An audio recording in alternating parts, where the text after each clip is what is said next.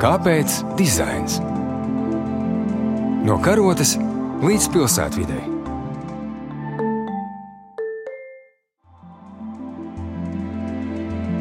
Dizains un pētniecība Kā pētniecība var mainīt izvēlēto risinājumu, kādas prasības tas izvirza dizaineram, un cik nozīmīgi tas ir arī šajā laikmetā, kad vienai krīzē nomainot citu, cilvēks saskaras ar savā paudzē vēl nepieredzēto. Šajā raidījumā Kāpēc dizains saruna ar starptautiskās dizaina kopienas SEGD Rīgas nodaļas koordinātori, mākslas zinātņu doktoru Aiju Freimani, bet jūs uzrunā šajā reizē Ilza Dobele. Dizainers nevar iztikt bez izpētes, bet ko dizaineram papildus sniedz pētniecība un kāpēc izpēti ir svarīgi veikt pašam dizaineram, ne tikai paļauties uz jau izpētīto. Segda Rīgas nodaļa pasākumā Dizains un pētniecība septiņi starptautiskie dizaina nozares eksperti, akadēmiskās vidas pārstāvi un praktizējušie dizaineri no Latvijas, ASV, Indijas, Ķīnas, Īrijas un Zviedrijas stāstīja par sociāli nozīmīgiem dizaina pētījumiem un projektiem, par bēgļu bērnu problemātiku, vardarbību jauniešu vidū un pret sievietēm, mācīšanās grūtībām un to, kā savu devumu nepieciešamajā atbalstā atrod dizainers. In my work in visual communication, I'm looking to find I will tell you where to place each colored square.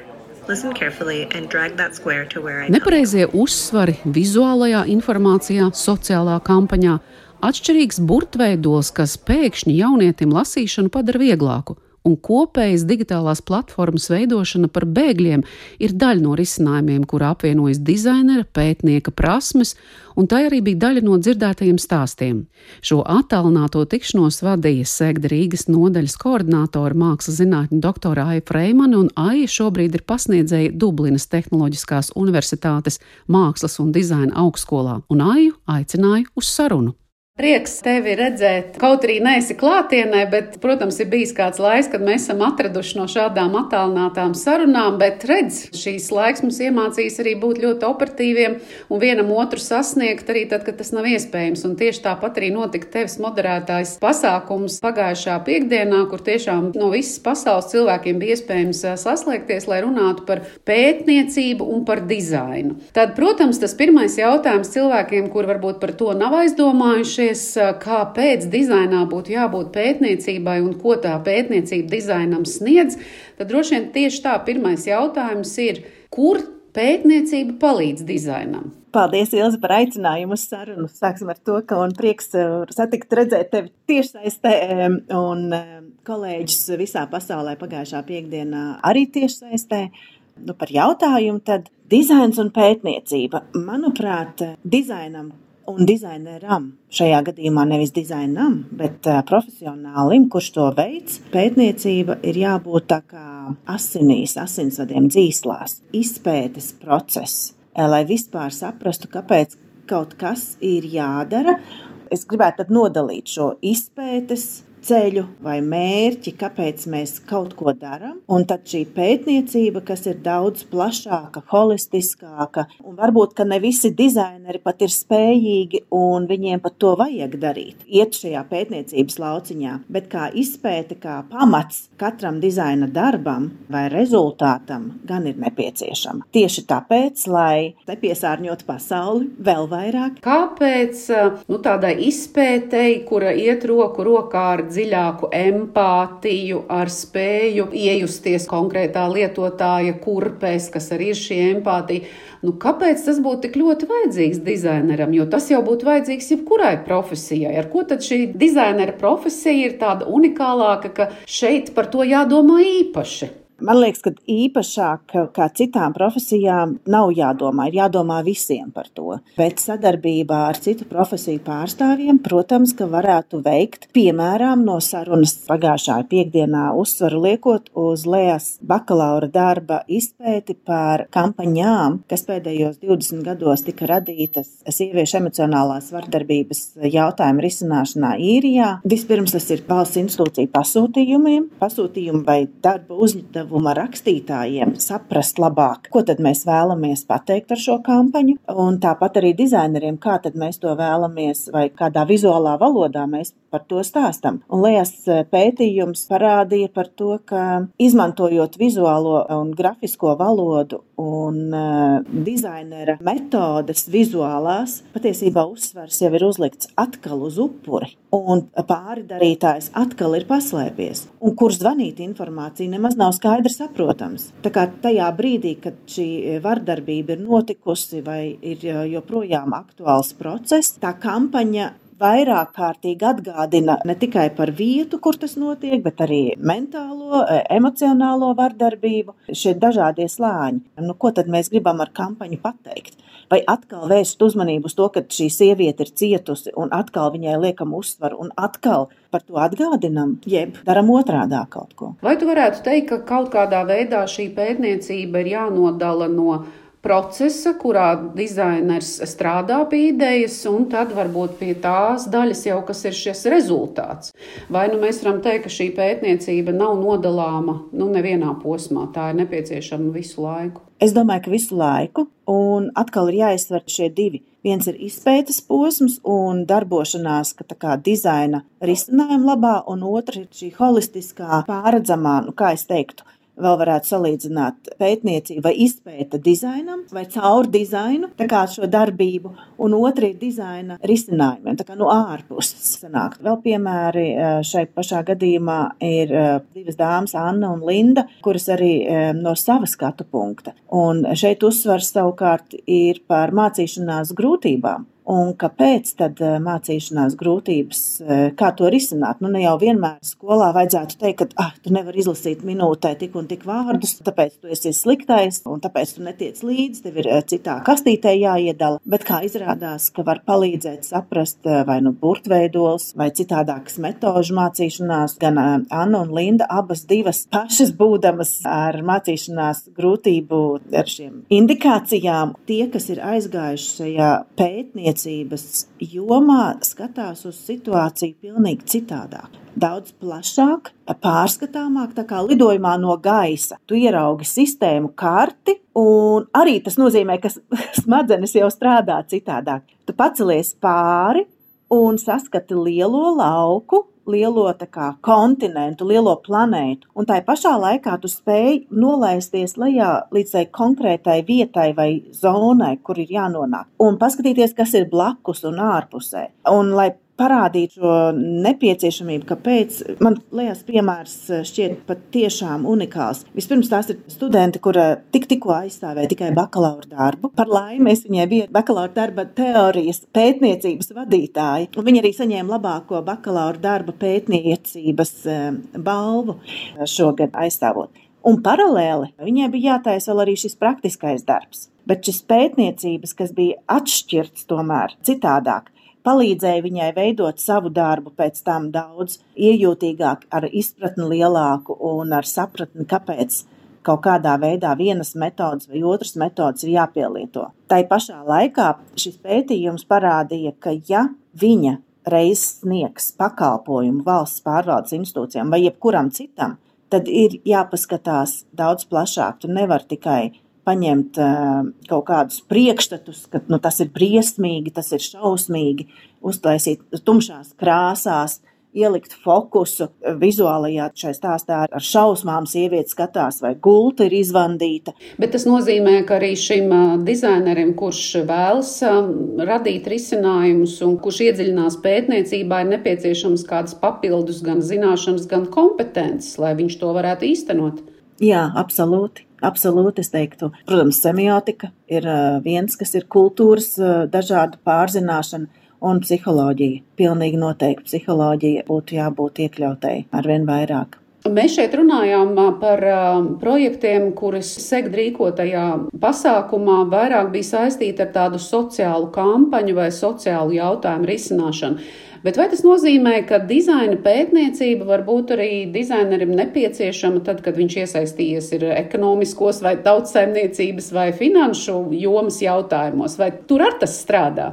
Nu, tad man ir jāceļ sevi saulītē ar savu pēcdoktorantūras pētījumu. Jā, protams, ka strādā un paskatoties atkal. Nu, nemaz tik vienkārši pateikt, nu, kā dizains um, rada vērtību sabiedrībā. Nu, viens ir to, ko saka dizaineri, otrs, mēs zinām šo teicienu, dizains pievieno vērtību, bet, nu, jāsaka, līdz manam pēcdoktorantūras jautājumam, nu, es neatradu to atbildi, nu, kādā veidā mēs to varam pārliecināties.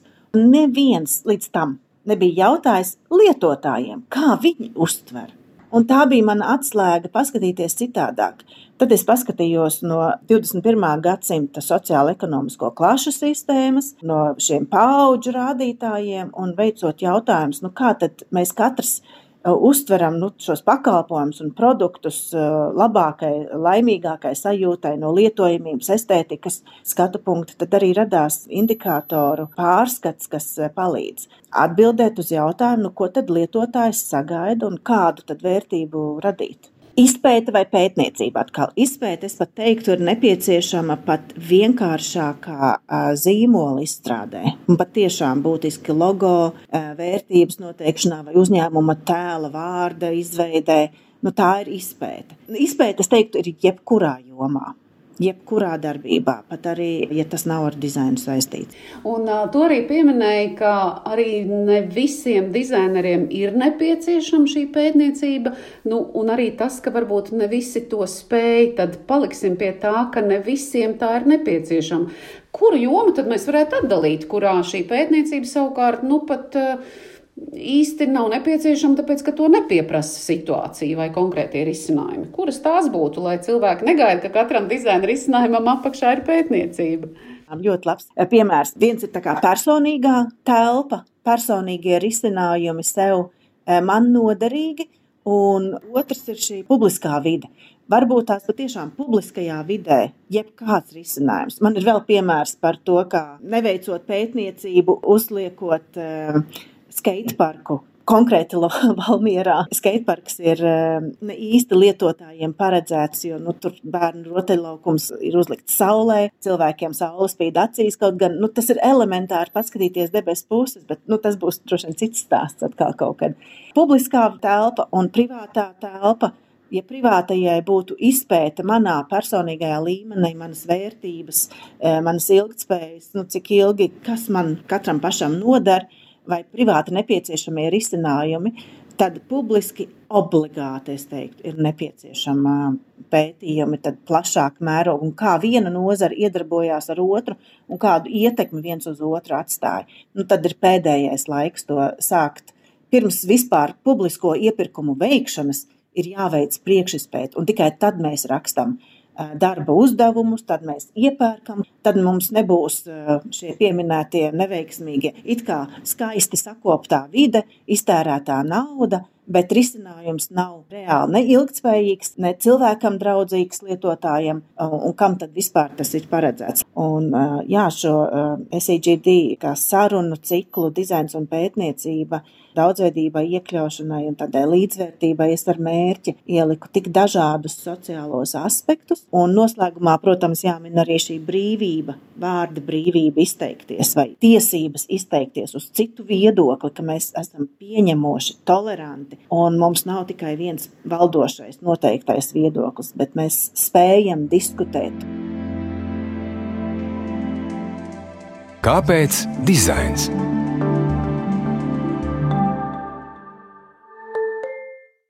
Dizaineru un mākslinieku iesaiste, pievēršot uzmanību dažādiem jautājumiem, ir skatām arī citviet. Tā Hirošimas starptautiskās kultūras un Hirošimas miera veidošanas fonds kopā ar Japānas grafiskā dizaina asociāciju ik gadu izdod plakātus par mieru veicinošu tematiku. Šā gada plakātā Kašiva Sato, viens no Japānas vadošajiem dizaineriem, grafiski veidojas ziņojumu No Nukes No War nav kodolieroču, nav kara. Krievijas īstenotā kara laikā šim sauklim ir papildu nozīme. Pētniecēm vaicāju, kāda kopumā ir grafiskā dizaina nozīme kara laikā. Nevērtējot Japāņu mākslinieka Sato veikumu, atbild Nēta Verma no ASV Notre Dame Universitātes mākslas, vēstures un dizaina departamenta profesore. You know,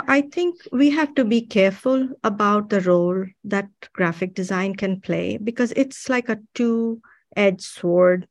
Es domāju, ka mums ir jābūt ļoti uzmanīgiem par to, kādu lomu grafiskais dizains var spēlēt. No vienas puses tā ir informēšana, bet no otras puses tā var būt arī kā propaganda, un to mēs vēsturē jau esam redzējuši.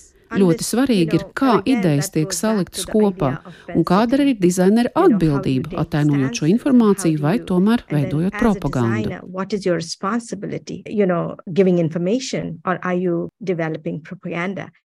Savukārt Hamburgas mākslas muzeja laikmetīgās mākslas kolekcijā ir kāds darbs. Tukšā, balti krāsotā telpā skan vardarbībā cietušas deviņus gadus vecas meitenītes balss, un viņa dzied bērnu dziesmas.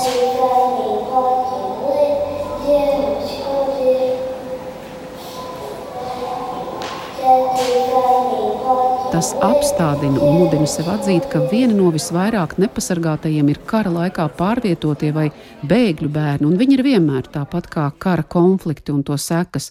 Par to savā pētījumā runāja Džinga Žau, starpdisciplināra māksliniece, dizainere, zinātniece un profesora no Mammautas Universitātes ASV. Tāpēc viņai vaicāju par to, kā starpdisciplinārā komandā palīdzētu dizainers. Well, really good question. Number one thing is, although I did not see the artwork, I could already imagine. Um, just try to have this answer. Es neesmu redzējis šo mākslas darbu, bet tomēr iztēlojos. Man ir bijusi pieredze ar bēgļu bērniem, un man ir stāstīti dažādi stāsti. Pat tad, kad viņiem ir sniegts atbalsts, nereti bērni nonāk kādā nepareizā organizācijā, kura var būt saistīta ar cilvēku tirzniecību, un bērni var kļūt par kādu cilvēku īpašumu. Es domāju, ka dizainers varētu būt tas, kurš būtu kā starpnieks bērniem un tiem, kuri viņam piedāvā sniegt palīdzību. Valsts institūcijas, nevalstiskās organizācijas un novērtēt, kā tā veidot un būt daļa no sociālās palīdzības komandas. Un otrs, dizaineri var būt par bērna balsi, jo bērniem pat nereti nav iespējas izteikties, vai arī viņi netiek uzklausīti. Un tad viņu vajadzības pareizi nodot tālāk, kad lem par atbalstu viņiem. Um, community for the protectors and the guardians, the guardians to, to have the community for them.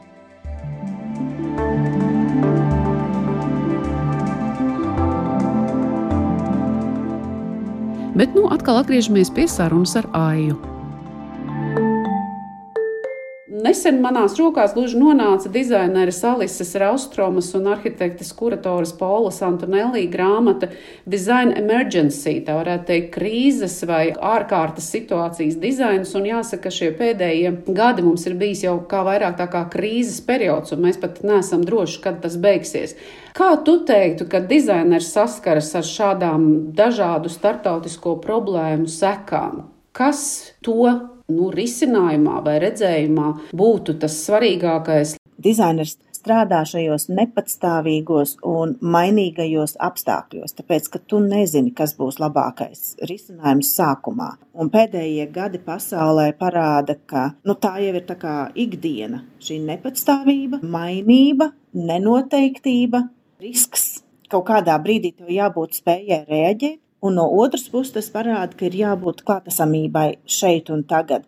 Tu vari plānot kaut ko īstermiņā, bet tādā ilgtermiņā, nu, 10, 20 gadus, ir skaisti vizionēt. Jā, vīzijas mēs ejam tālāk, bet uh, īsie darbības notiek šeit un tagad. Es tev teikšu lielu paldies par sarunu un arī paldies par pievēršanos šai tēmai. Šie dažādie pētījumi izgaismo dizaineru ieguldījumu, spēju izpētīt un iedziļināties gan problēmu skartos, gan tajos, kuri par šiem risinājumiem tikai interesēsies. Tie var mums ļaut iepazīt noteikto parādību un arī personu pieredzi, bet atrastie risinājumi iespējams vedina arī mūs domāt un redzēt padziļinātāk, lai mēs būtu atbalstošāki. Redījuma skaņa montē Judita Bērziņa, jūs uzrunāja Ilis Dobele, lai mums visiem apņēmība jauniem darbiem un iespēja tos īstenot. Uz tikšanos!